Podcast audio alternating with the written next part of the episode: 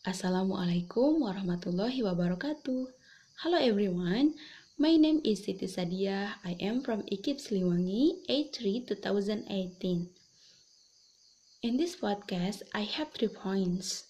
And I would like to explain about the first, the value of the market plan, second, identify the market competition, and then database. So, what the value of the market plan?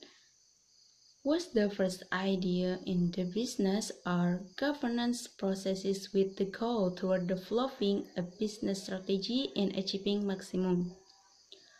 When there are some categories, the first strategy in information gathering, second the distribution of information, third promotion strategy, we could do a promotion using social media like WhatsApp, Instagram, Facebook, and etc.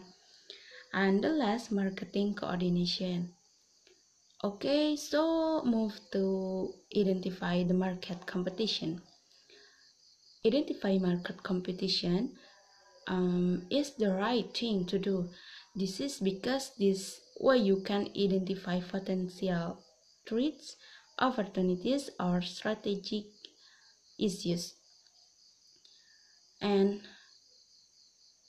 know your rivals what do you look like? Uh, monitor your opportunity social media strategies and last analyze how competitor market the product.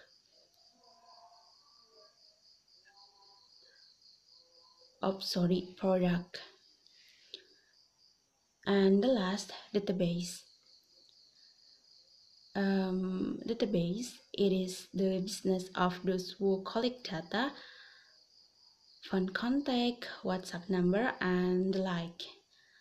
Of the various consumers suppliers manufacturers companies to trade for the primary product of the business database Harris data Oke, okay, thank you. Wassalamualaikum warahmatullahi wabarakatuh.